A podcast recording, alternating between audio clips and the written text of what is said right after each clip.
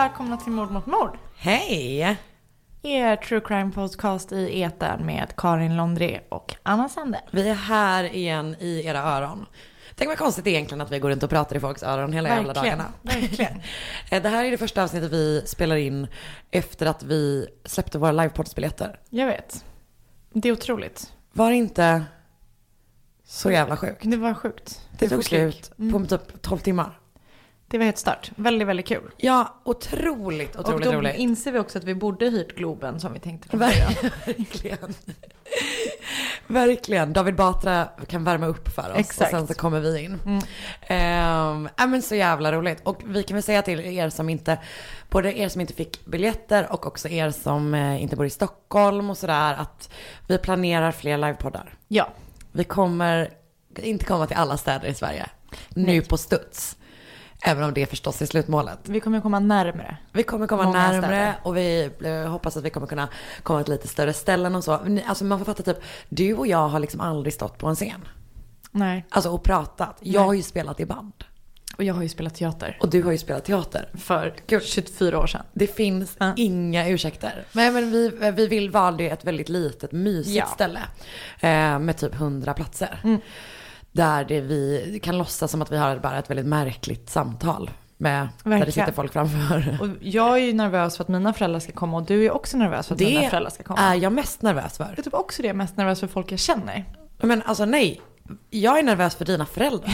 Det är bara det. Det låter som att de är hemska människor. Nej, de är underbara människor. Det är därför jag inte vill göra dem besviken, fattar Men lyssnar de på podden? Nej. Okej, ja, Tyvärr. men för att jag är, men åh, det är också det jag känner typ. Vet de vad vi håller på med? Ja, men de förstår det ju inte alls. Nej. Men de kommer i alla fall Men det och ska var- supporta. Det var ändå självklart för dig att bjuda in dem. Ja. För jag, Gud ja. själv när du bara, kommer inte dina föräldrar? Jag bara, nej, absolut inte komma. Jo men jag tänker typ att det är som en så skolavslutning, en...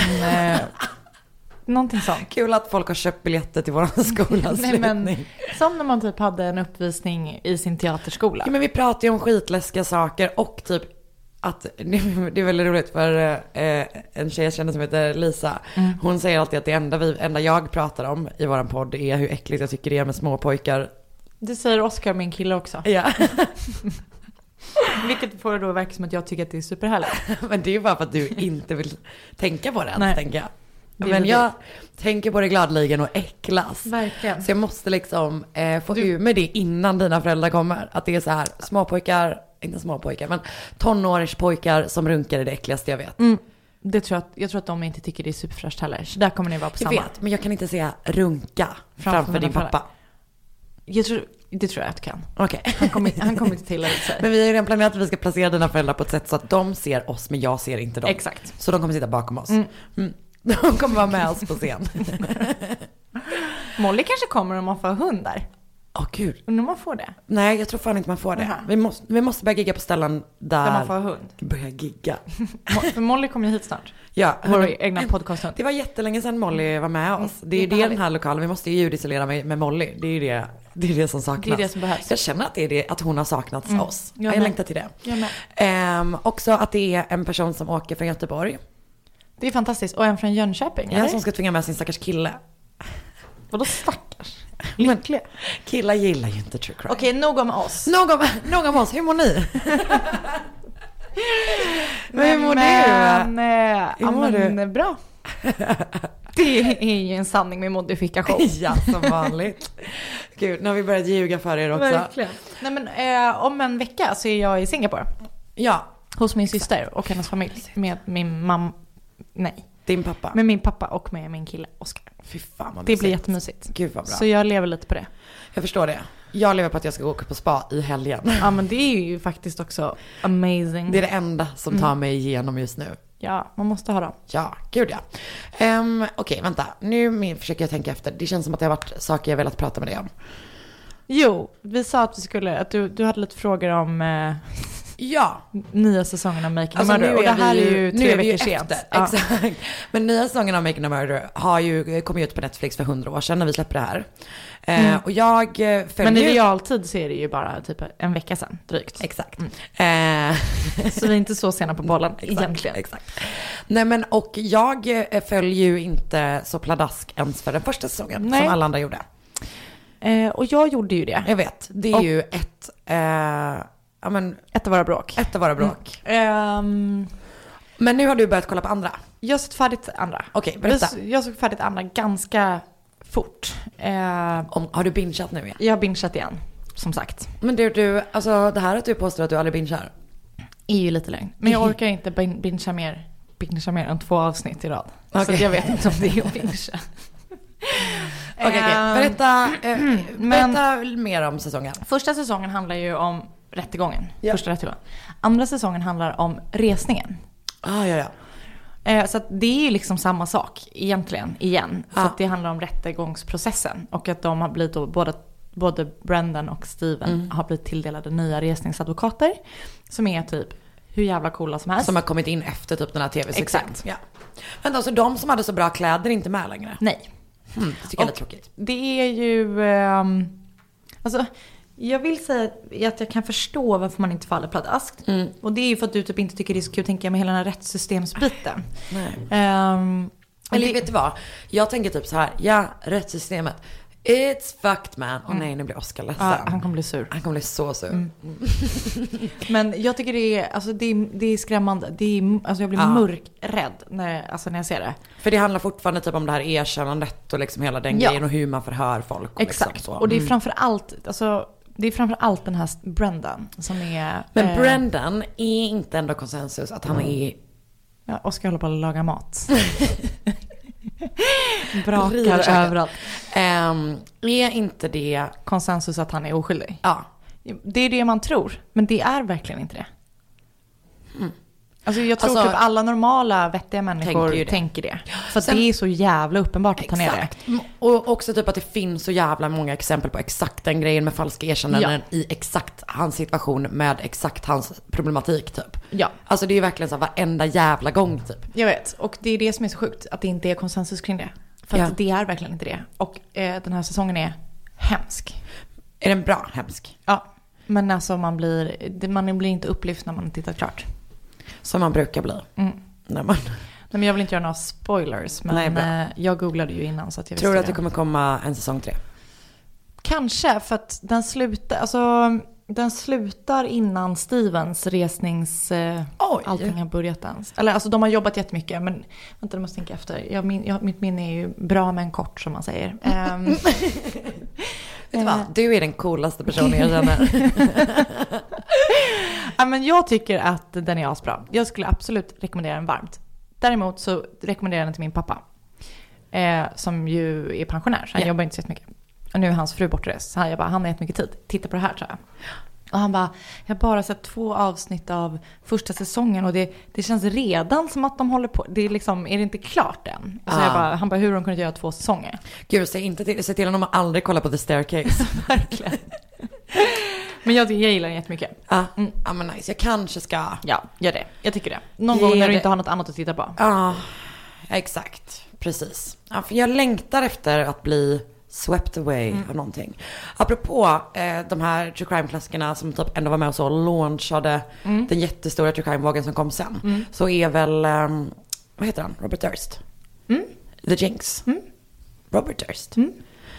Nu blir jag så här, är det han i Limp Bizkit? Han heter Fred Durst. Tack.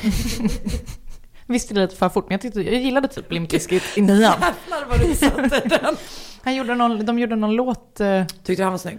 Nej, nej, nej. Skönt att höra. Mm, Vet du vad jag tyckte var väldigt snygg? nej. Anthony Kiedis, eller vad han heter. Sången i uh, Red Hot Chili Peppers. Ja, men gud. Uh. Sorry man. Ah, ja, jag ska Nu- inte säga så mycket. Jag var ju typ kär i Morgan Alling när jag var liten.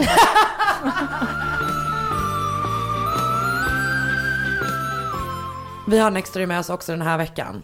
Om man går in på nextory.se slash kampanj, skriver in kampanjkoden mord mot mord så får man en hel månad gratis. Nextory har ju ljudböcker och e-böcker. Ja. Och vad är ditt ljudbokstips den här veckan? Ja, men jag ska tipsa om, det blir deckare för mig. Kör. Eh, och det här är en bok som heter Färjan av Mats Strandberg. Som kom för typ ett eller två år sedan. Mhm. Som är en deckare som då utspelar sig på en Färja. färja. Som är skitläskigt att det är på en färja. Och jag har precis börjat lyssna på den men känner ändå att jag kommer tipsa om den för att den verkar sjukt, sjukt spännande. Nice. Eh, jag vill berätta om en bok som jag såg, eh, som någon tipsade om i vår Facebookgrupp. Eh, 20 verkliga mord, en rättsläkare minns av Lennart Rammer.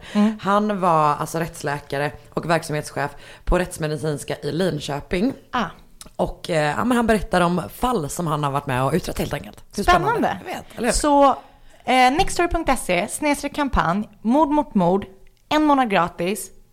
Lyssna med oss och prata med oss. Ja.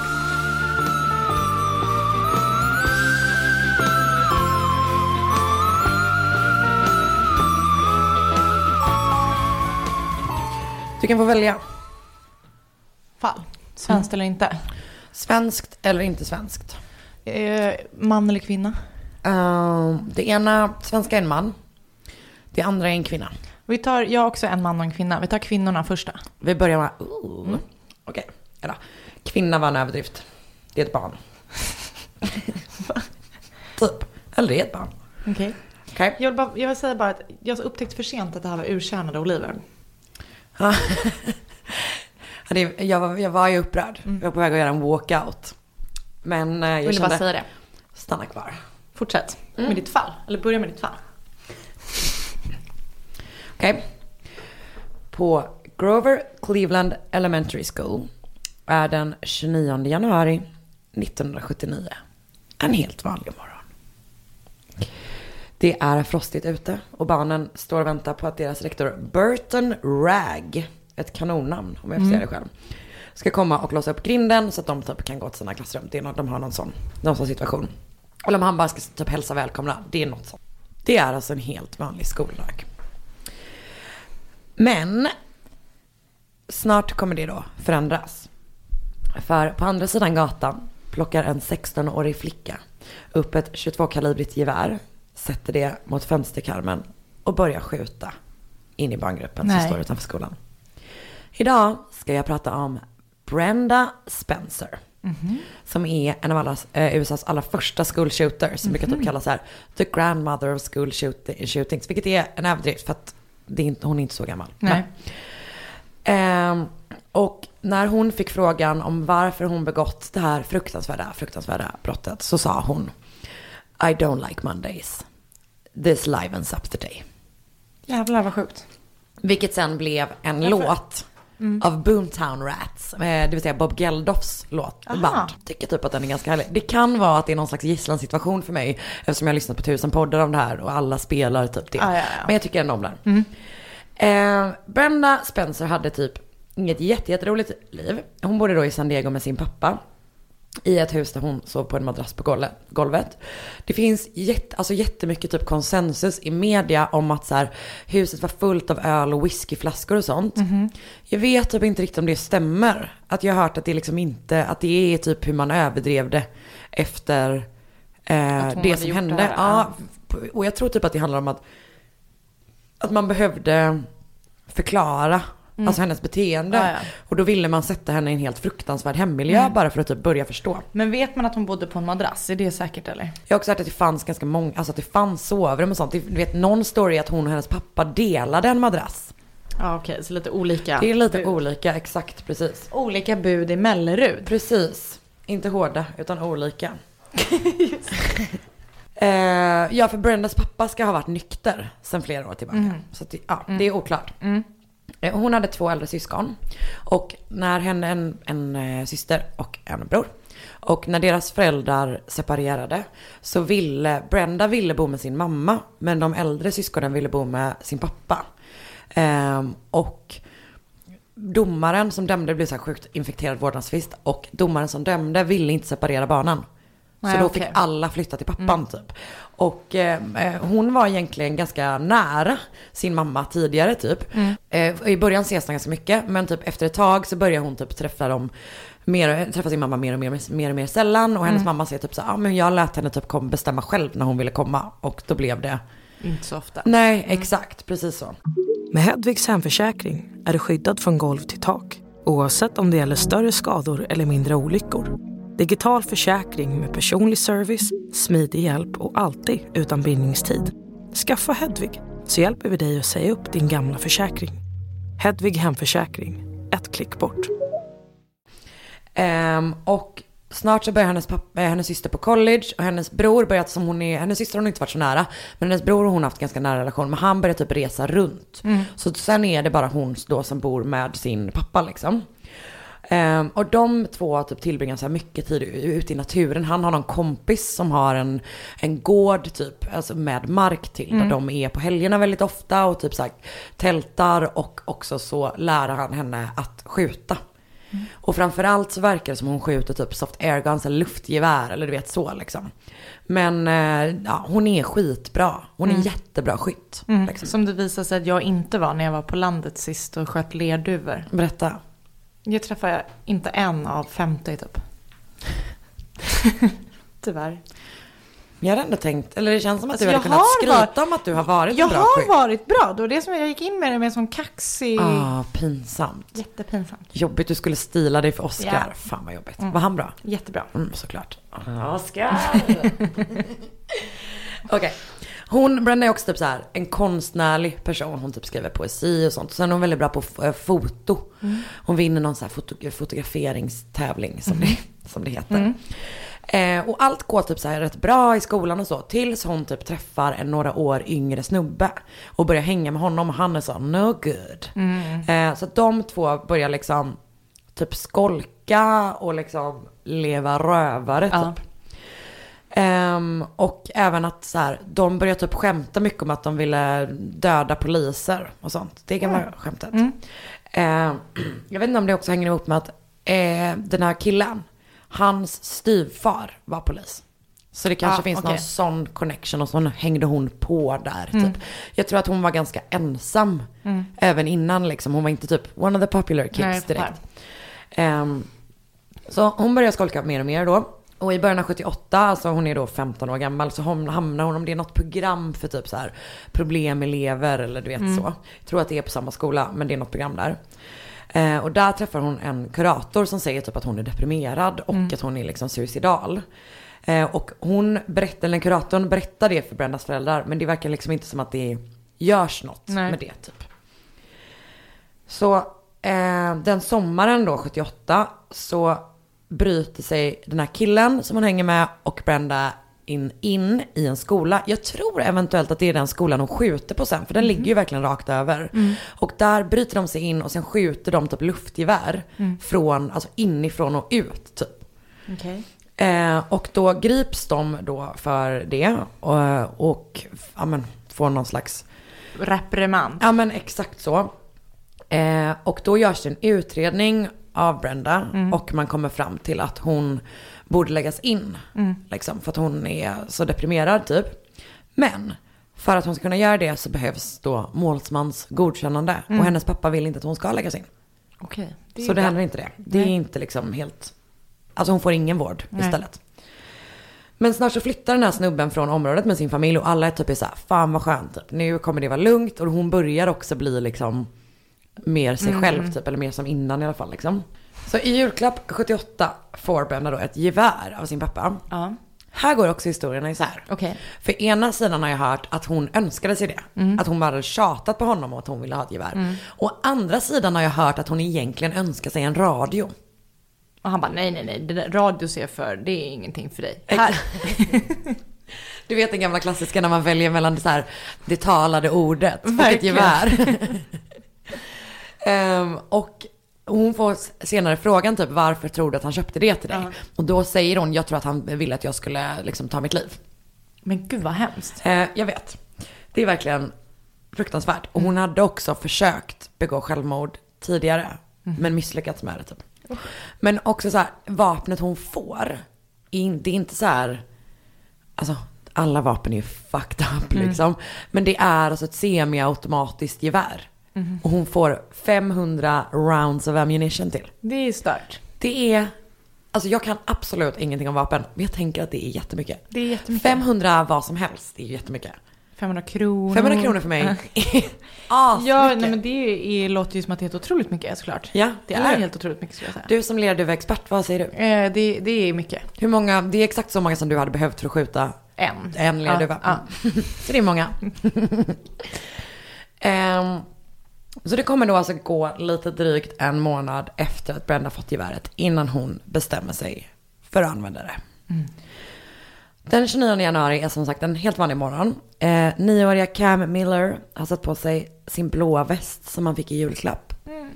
Och Christy Buell, som är lika gammal, åker så här, du vet så här, kommer du ihåg när man var liten och man bara såg en frusen vattenpöl som man åkte Ah, skridskor på? Det gör hon. Eh, Burton Ragg, rektorn, dricker kaffe på sitt kontor och väntar på då att, så här, att han ska gå ut och hälsa på eleverna. Eh, och vid åtta så ringer skolklockan. Och han är, gör sig redo för att gå ut. Men då hör han typ ett så här smattrande ljud. Och tänker, okej men det här, eller så här.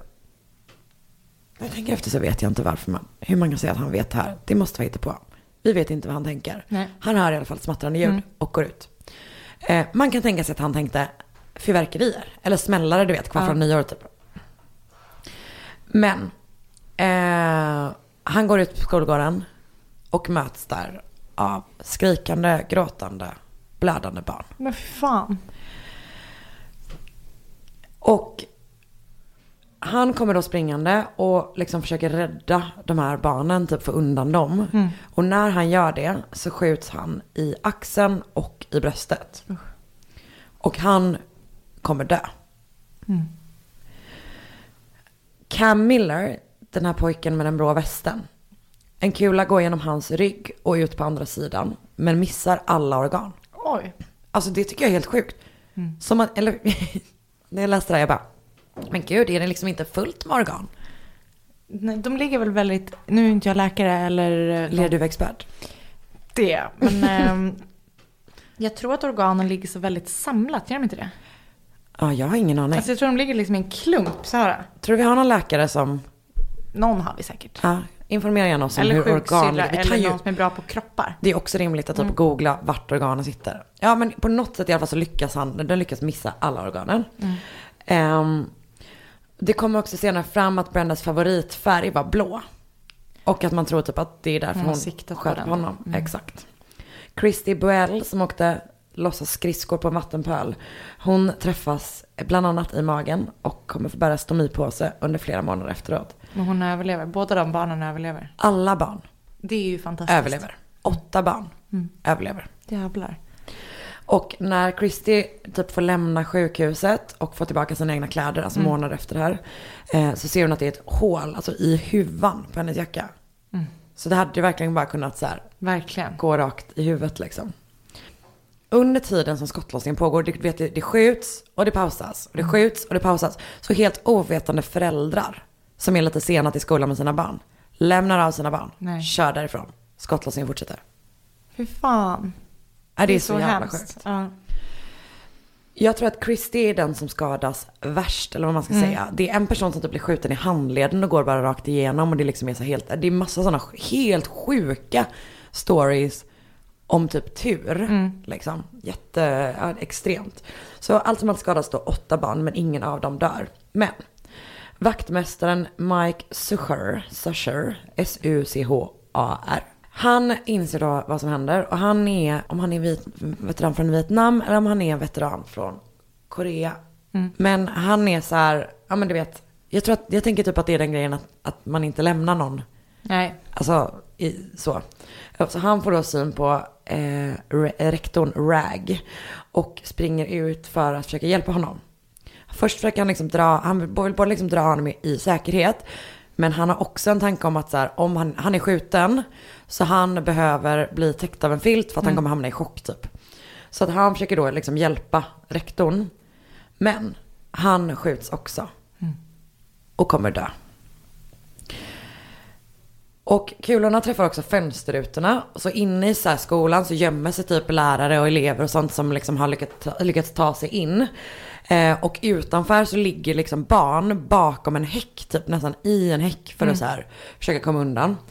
En grej som är så jävla sjuk är att en kula har träffat brandlarmet som har gått igång. Oj. Så du vet, barn försöker ta sig in i skolan, men sen går brandlarmet igång och då vet de inte om de ska... In eller ut. Nej, fan. exakt. Ah, det är så jävla, jävla hemskt. Ehm, men efter någon halvtimme så kommer polisen till platsen och först vet man liksom inte ens vart skotten kommer ifrån. Man bara, var, Nej. var är snipen är ju liksom det som är så här frågan. Ehm, och en polis försöker då ta sig fram till Mike och till Burton. Men när han närmar sig så träffas han först i sin skottsäkra väst. Och sen så träffar ett skott och liksom studsar på den skottsäkra väst- västen. Och typ snuddar vid halsen.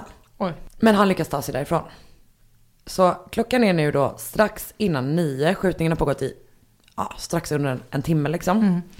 Eh, och nu får någon en sån jävla bra idé. Som är...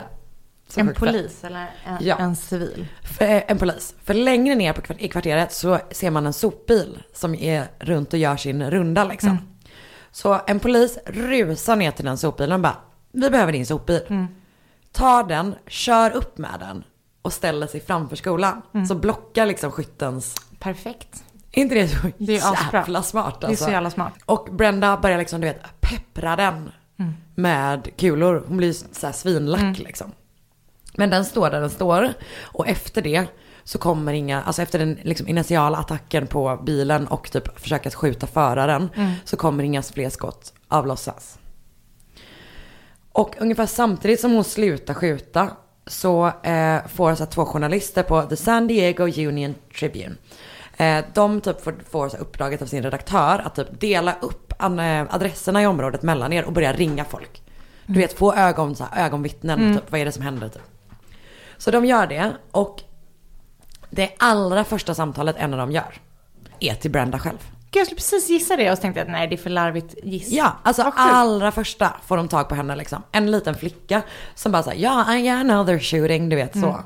Och när han frågar henne varifrån de skjuter så uppger hon en adress och han bara, men vänta, det där är ju din adress. Och hon bara, yeah, who do you think's doing the shooting? Nej. Fattar du, det här är en 16-åring, ja det är så sjukt. Ja. Och hon har kontakt med de här journalisterna typ tre gånger tror jag. Under den liksom, ja, och de ringer tillbaka, de bara, eh, vi kanske ska typ prata lite mer Menar henne." du allvar? Ja exakt, verkligen så.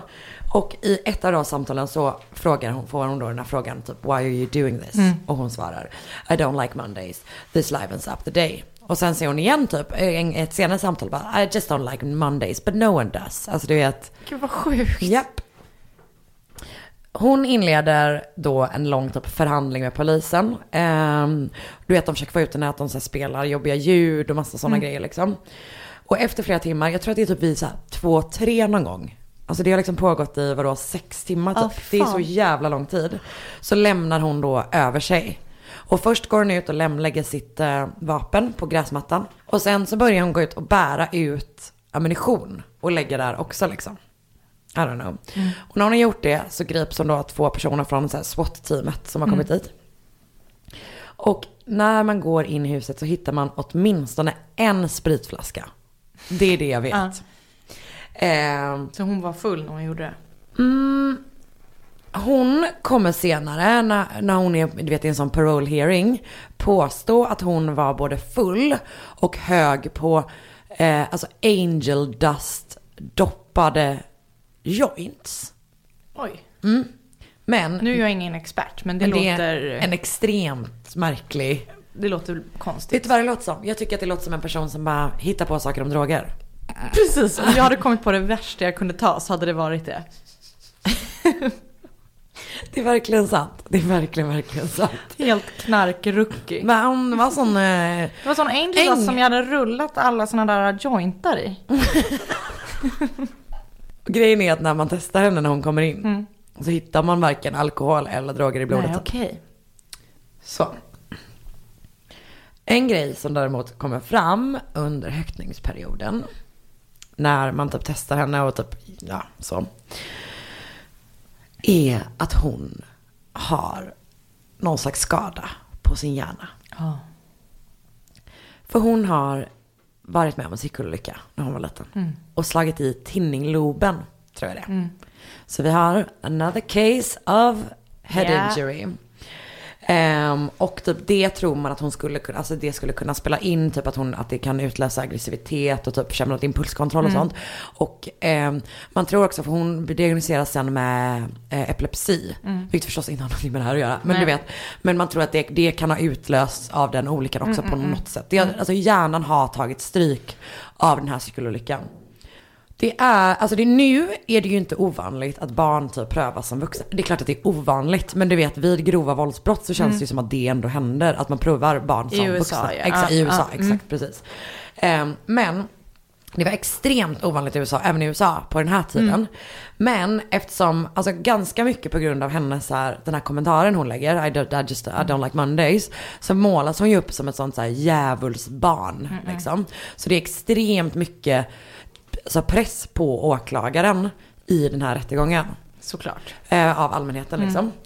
Så att ehm, det, det, man bestämmer sig för att pröva henne som vuxen.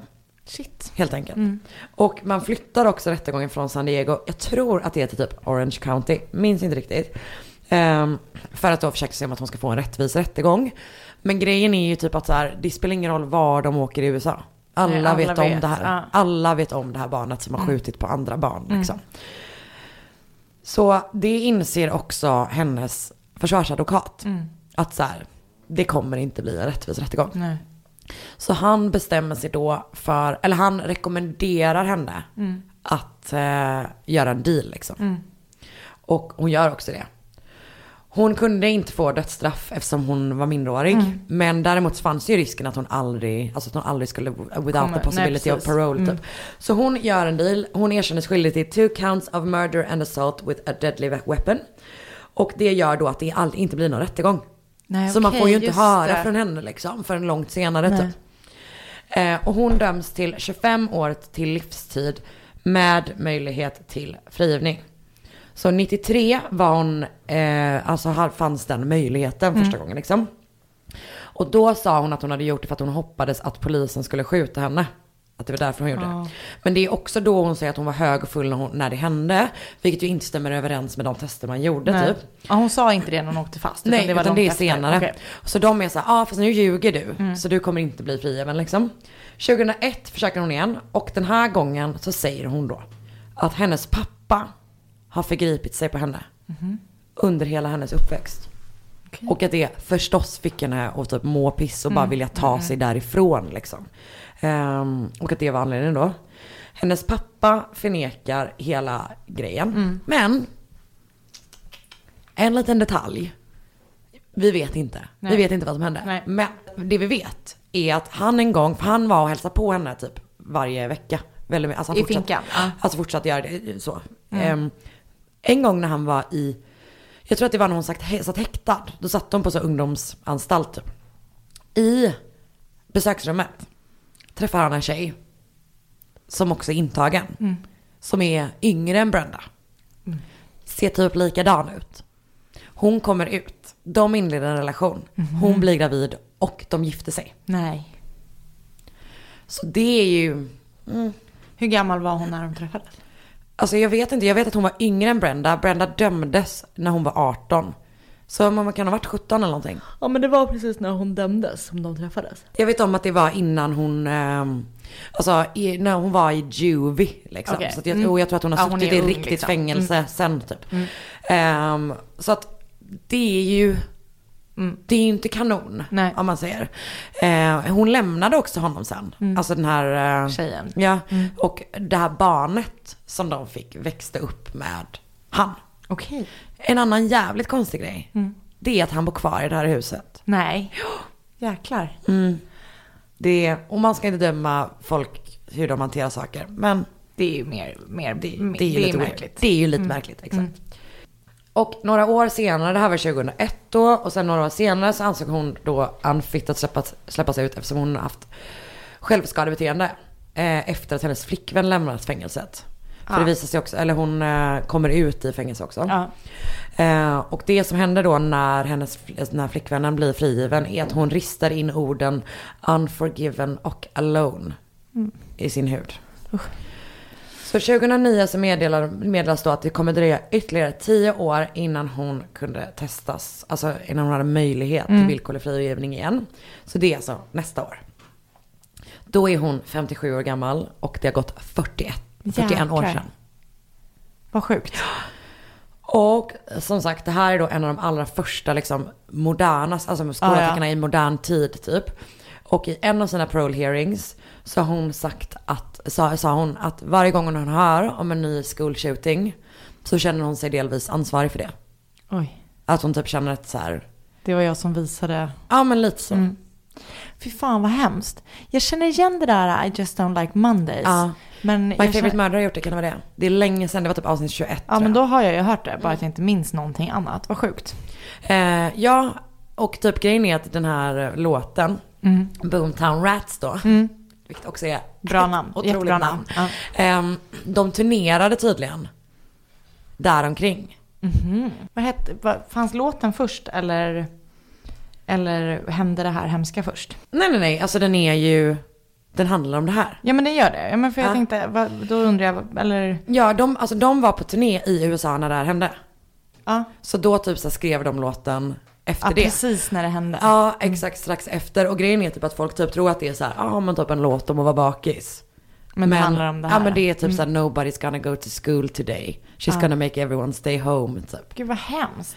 Eh, ja, också det är ganska hemskt för att den är rätt jävla svängig typ. Gud, usch.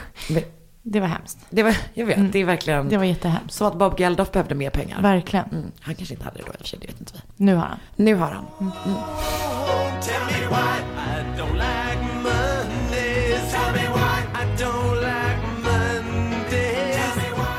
Du sa att du hade hittat ett sjukt fall. Är det det här?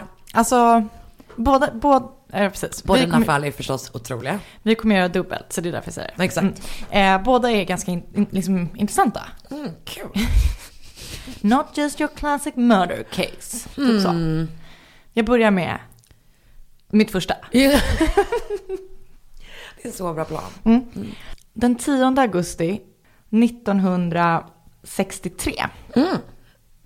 föddes en liten flicka i en liten by som heter Guraka Purva i Jalaiun-distriktet i Uttar Pradesh i Indien.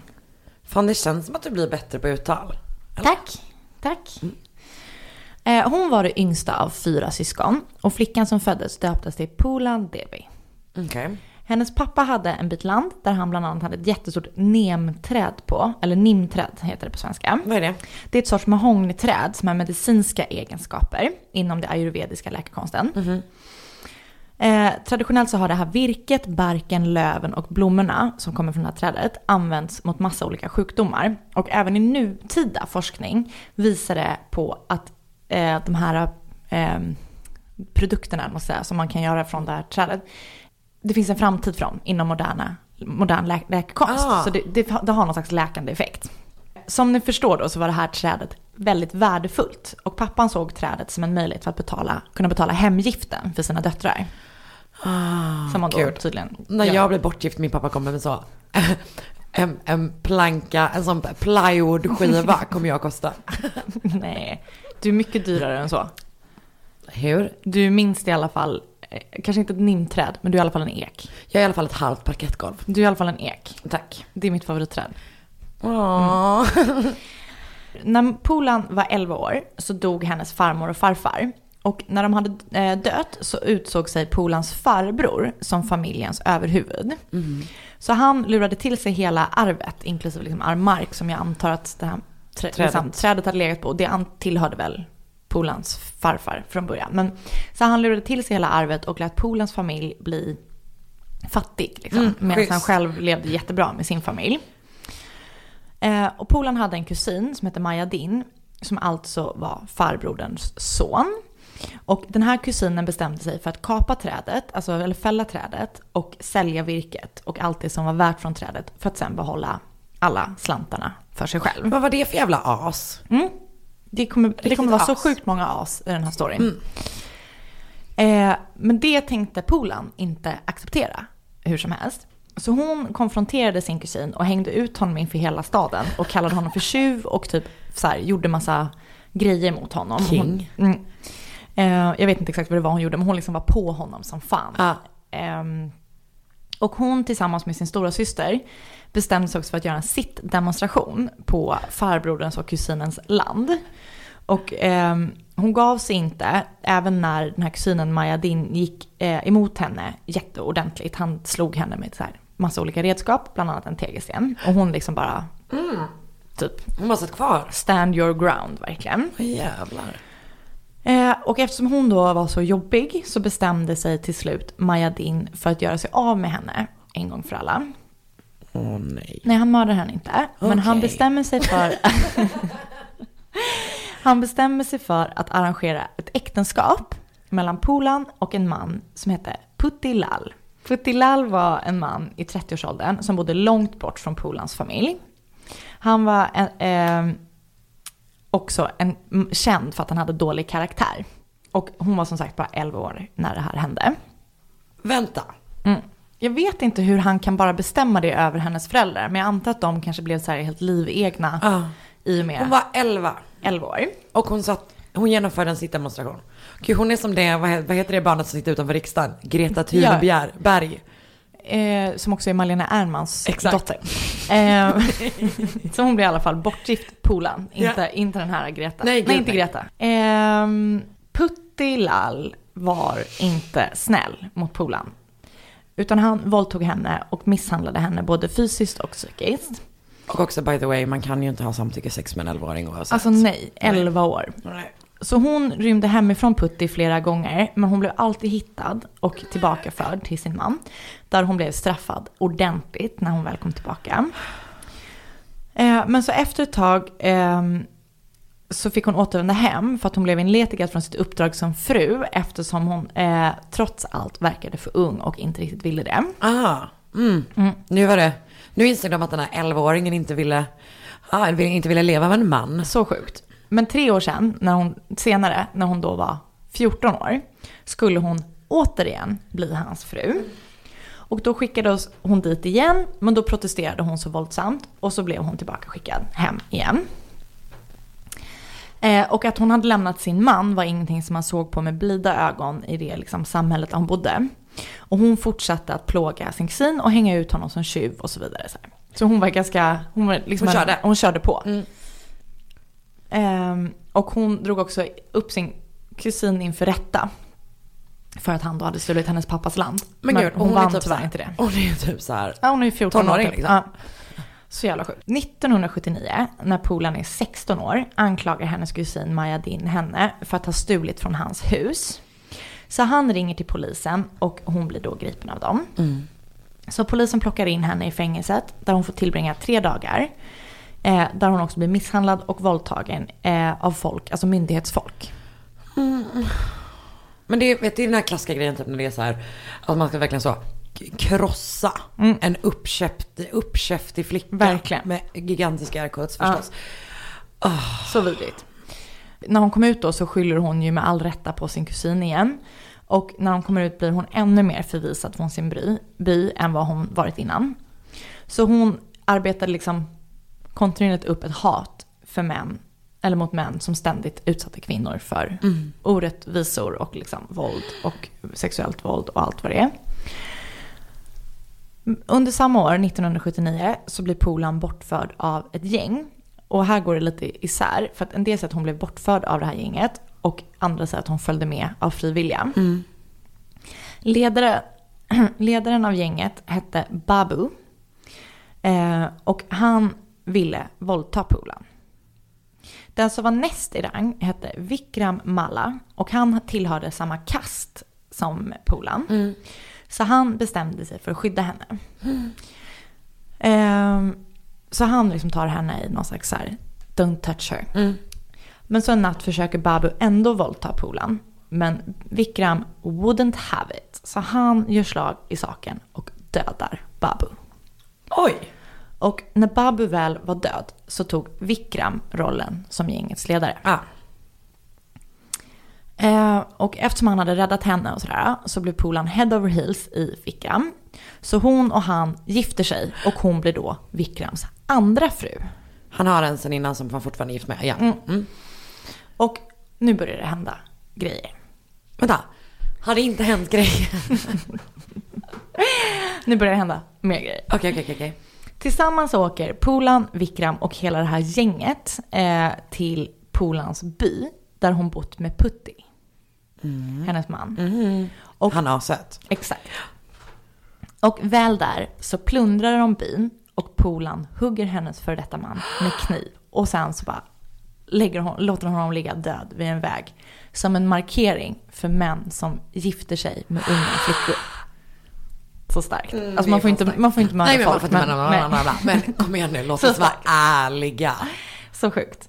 Aj jävlar. Så de åker dit liksom för att hämnas. Och efter första attacken så lär Vikram också Polan hur hon ska använda ett gevär.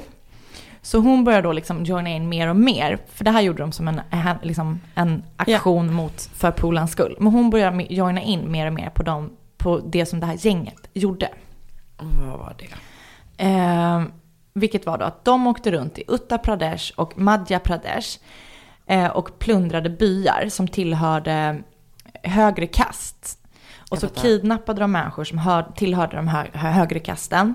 För att sedan kräva deras familjer på lösensummor. Och så gjorde de även sådana här klassiska tågrån. Som känns väldigt vilda västern. Åh gud, jag älskar det. Mm. Älskar ett gott tågrån. Exakt. Så de var ute och härjade liksom. Och Ja. rånade och sådär. Ehm, Klassiskt härj. Verkligen. Efter hon har kidnappat eh, och varit ute på allt det här härjandet så går hon alltid till ett tempel som är till för att tillbeda Durga som är den eh, Kali, guden Kalis aggressiva sida. Okej. Så hon går dit för att tacka henne för beskyddet hon får från den här gudinnan. Ja, så det här gänget fortsätter att leva rövare under en tid. Men så en dag så kommer två bröder eh, som heter Shriram och Lala Ram tillbaka till gänget. Eh, så de har liksom varit med och stuckit. Och de här bröderna tillhör ett högre kast än Vikram och Polan. Och de blir tokiga när de förstår att eh, Vikram har dödat Babu. Och tagit själv, eh, eller tagit liksom rollen som ledare till sig själv. Eh, och de kan liksom inte förstå hur de kan låta en, sån, en person från ett lägre kast styra det här Nej. gänget. Ehm, så eh, de är där för att liksom, de ställer till med fanskap där. Shri eh, gjorde bland annat sexuella närmanden mot Polan. Något som varken hon eller Vikram tyckte om.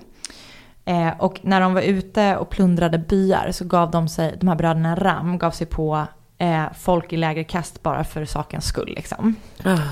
Eh, vilket gjorde att många som tillhörde ett lägre kast än dem lämnade gänget. Just det. Eh, så det börjar liksom, Och Pola bara, nu är det läge för en sittstrejk. verkligen. men så Vikram bestämmer så här, nej men det kanske är bäst att dela upp det här gänget i två. Eh, I och med att vi vill olika saker. Men det här tyckte Shri Ram inte om. Så han och hans kumpaner gav sig en natt på Vikram och Polan och försökte döda dem. Oj. Men båda två lyckades fly. Okej, okej. Mm. Men sen så lyckas gänget ändå komma ikapp dem och döda Vikram Nej. och kidnappa Polan. Så de håller Polan inlåst i deras by. Oj. Okej. Och hon hålls fången i tre veckor då hon både misshandlas och våldtogs. Ehm, och efter tre veckor lyckas hon och två andra eh, som tillhör samma kast, som, ja, det här är lite sen information, men det kastet tillhör, heter Malas. De lyckas att fly, hon och två personer. Så hon, efter de har flytt, ehm, drar omkring. Hon och de här malasarna som har flytt, de drar omkring eh, och rånar folk fortfarande som tillhör högre kast. Ja. Och en del beskriver henne som att hon rånade högre kastmedlemmar och gav till dem i lägre kast i sann Robin Hood-anda. Men polisen säger ju såklart att det här endast är en myt. Okej. Utan att hon rånade från dem och sen behöll hon det själv. Exakt. Mm, jag fattar. Och gav till dem som var ännu högre. Exakt. Men i 17 månader var hon och hennes gäng ute och härjade. Och efter 17 månader hade det blivit dags att komma tillbaka till den by där hon håll- hållits fången och våldtagits och misshandlats i tre veckor för att utkräva Hämnas. sin hämnd. Down, down, down. Så den 14 februari 1981 kom Polan och hen- hennes gäng tillbaka till Bemai, alla utklädda till poliser. och Det exakt här är en sån fet historia. Alltså, den är så sjuk. Det är så sjukt. Eh, och exakt vad som händer är lite oklart. Men eh, Polan och hennes gäng begärde att de skulle föra fram att byn liksom skulle så här bring out mina kidnappare Ja. och som har gjort mig illa. Men efter en genomsökning i byn så hittar man inte exakt de som har kidnappat henne. Men hon känner igen två män som har våldtagit, våldtagit henne och mördat hennes man. Och när de inte hittar alla så tvingar de fram alla män som tillhör det här högre kastet som har varit jävliga liksom. Så det är hon och hennes egna gäng nu Mm. som är där. Exakt. Och det här högre kastet som har varit dumma, de heter Takur. Och hon, de tvingar dem att ehm, rada upp sig på typ något torg i byn. Eller Okej. liksom någon så här liten gatheringplats. Och sedan skjuter de dem. En efter en. Så totalt var det 22 män som blev skjutna. Mm. Och de allra flesta hade inte varit med och varken liksom kidnappat eller mördat eller våldtagit henne. Mm. Så efter den här massakern så blev det en superomfattande polisjakt efter henne. Och eh, hon glorifierades av jättemånga människor runt om i landet. Och hon kallades för Bandit Queen. Och man gjorde, de tog fram dockor där hon framställdes som, här hade jag skrivit det, Durga. Den, som är gudinnan Kalis aggressiva Just sida. Bra. Så de här dockorna såldes på marknader och grejer. Eh, och sen skulle det gå två år innan polisen hittade henne. Men då blev hon, för då blev polaren sjuk och många i hennes gäng hade dött och hon bestämde sig för att så här, ja men jag förhandlar och överlämnar mig. Ja.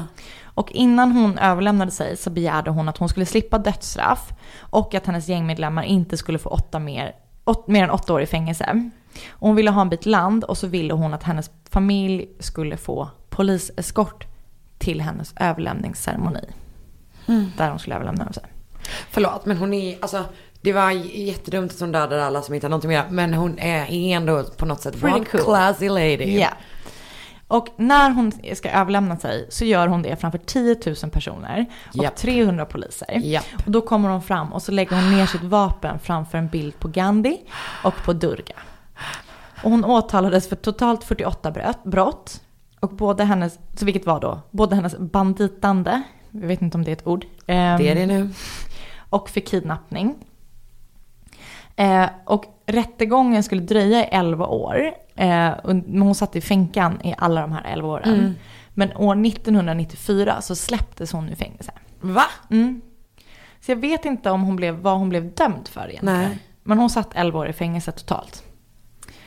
1996 ställer hon upp i ett val i Indien där hon representerar Sama, Samja, Samajvad... Det här med att jag är bra på uttal. Ja. Samajvadi-partiet. Ja. Där hon hade som löfte, vallöfte att hjälpa fattiga och förtryckta. Och hon valdes in i konstitutionen av Mirzapur i Uttar Pradesh. Som blev politiker? Ja. Den 25 juli 2001 blev Polan Devi skjuten till döds av tre stycken maskerade män som sköt henne med gevär utanför hennes hem i Delhi. Hon sköts totalt fem gånger och de som sköt henne flydde i bil. Eh, och hon fördes direkt till sjukhuset men väl där så förklarades hon död. Och eh, person, huvudpersonen, eller liksom den som var ledande av mördarna som sköt henne, överlämnades efter ett tag och sa att anledningen till att han skjutit henne var för att han ville utkräva hämnd för de 22 männen som hon hade mördat 20 år tidigare.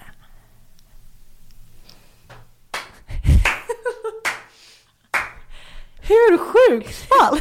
Alltså, hur sjukt är det? Men alltså jag vet typ inte ens vad jag ska säga. Alltså inte jag heller.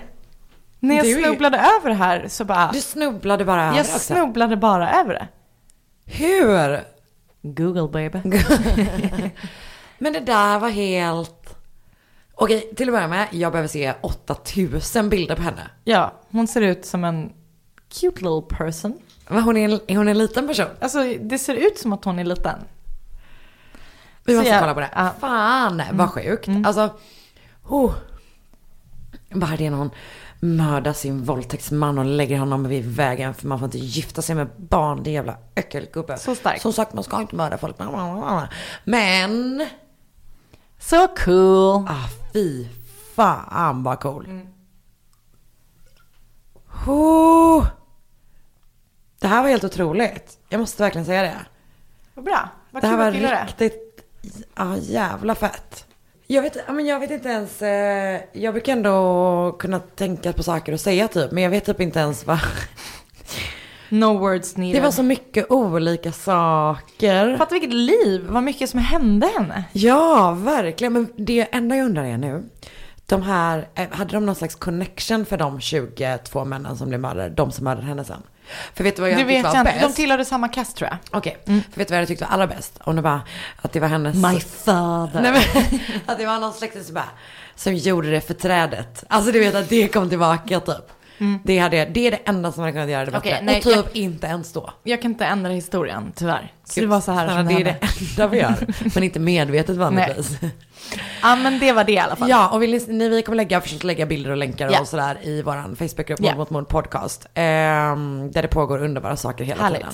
Så gå med där. Följ oss på Instagram. Du heter attsandel, Anna jag heter att Karin Londre. Eh, önska fall i DMs. Framförallt sådana här, Som man inte så kan. här vill vi ha. Det här är exakt vad vi vill ha. Eller hur? Ja. Ja, ja. Eh, och tack för att ni lyssnar. Tack. Puss.